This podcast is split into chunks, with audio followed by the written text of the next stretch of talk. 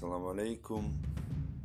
Ова е краток трейлер во кој што ќе кажеме дека пред се овој подкаст ќе работи на усовршувањето на нашиот дин, нашата вера, на разбирањето на прописите, на секојдневното работење и обединувачки фактори, како еден човек да си ги прошири своите видици, своето знаење, спознанието, а воедно да биде користен за себе и за обществото. Се надевам дека овој подкаст нема да ви биде нешто што само ќе го прескокнете, туку дека воопшто ќе ви значи и ќе ве препороди. До наредно слушање. салам алейкум ва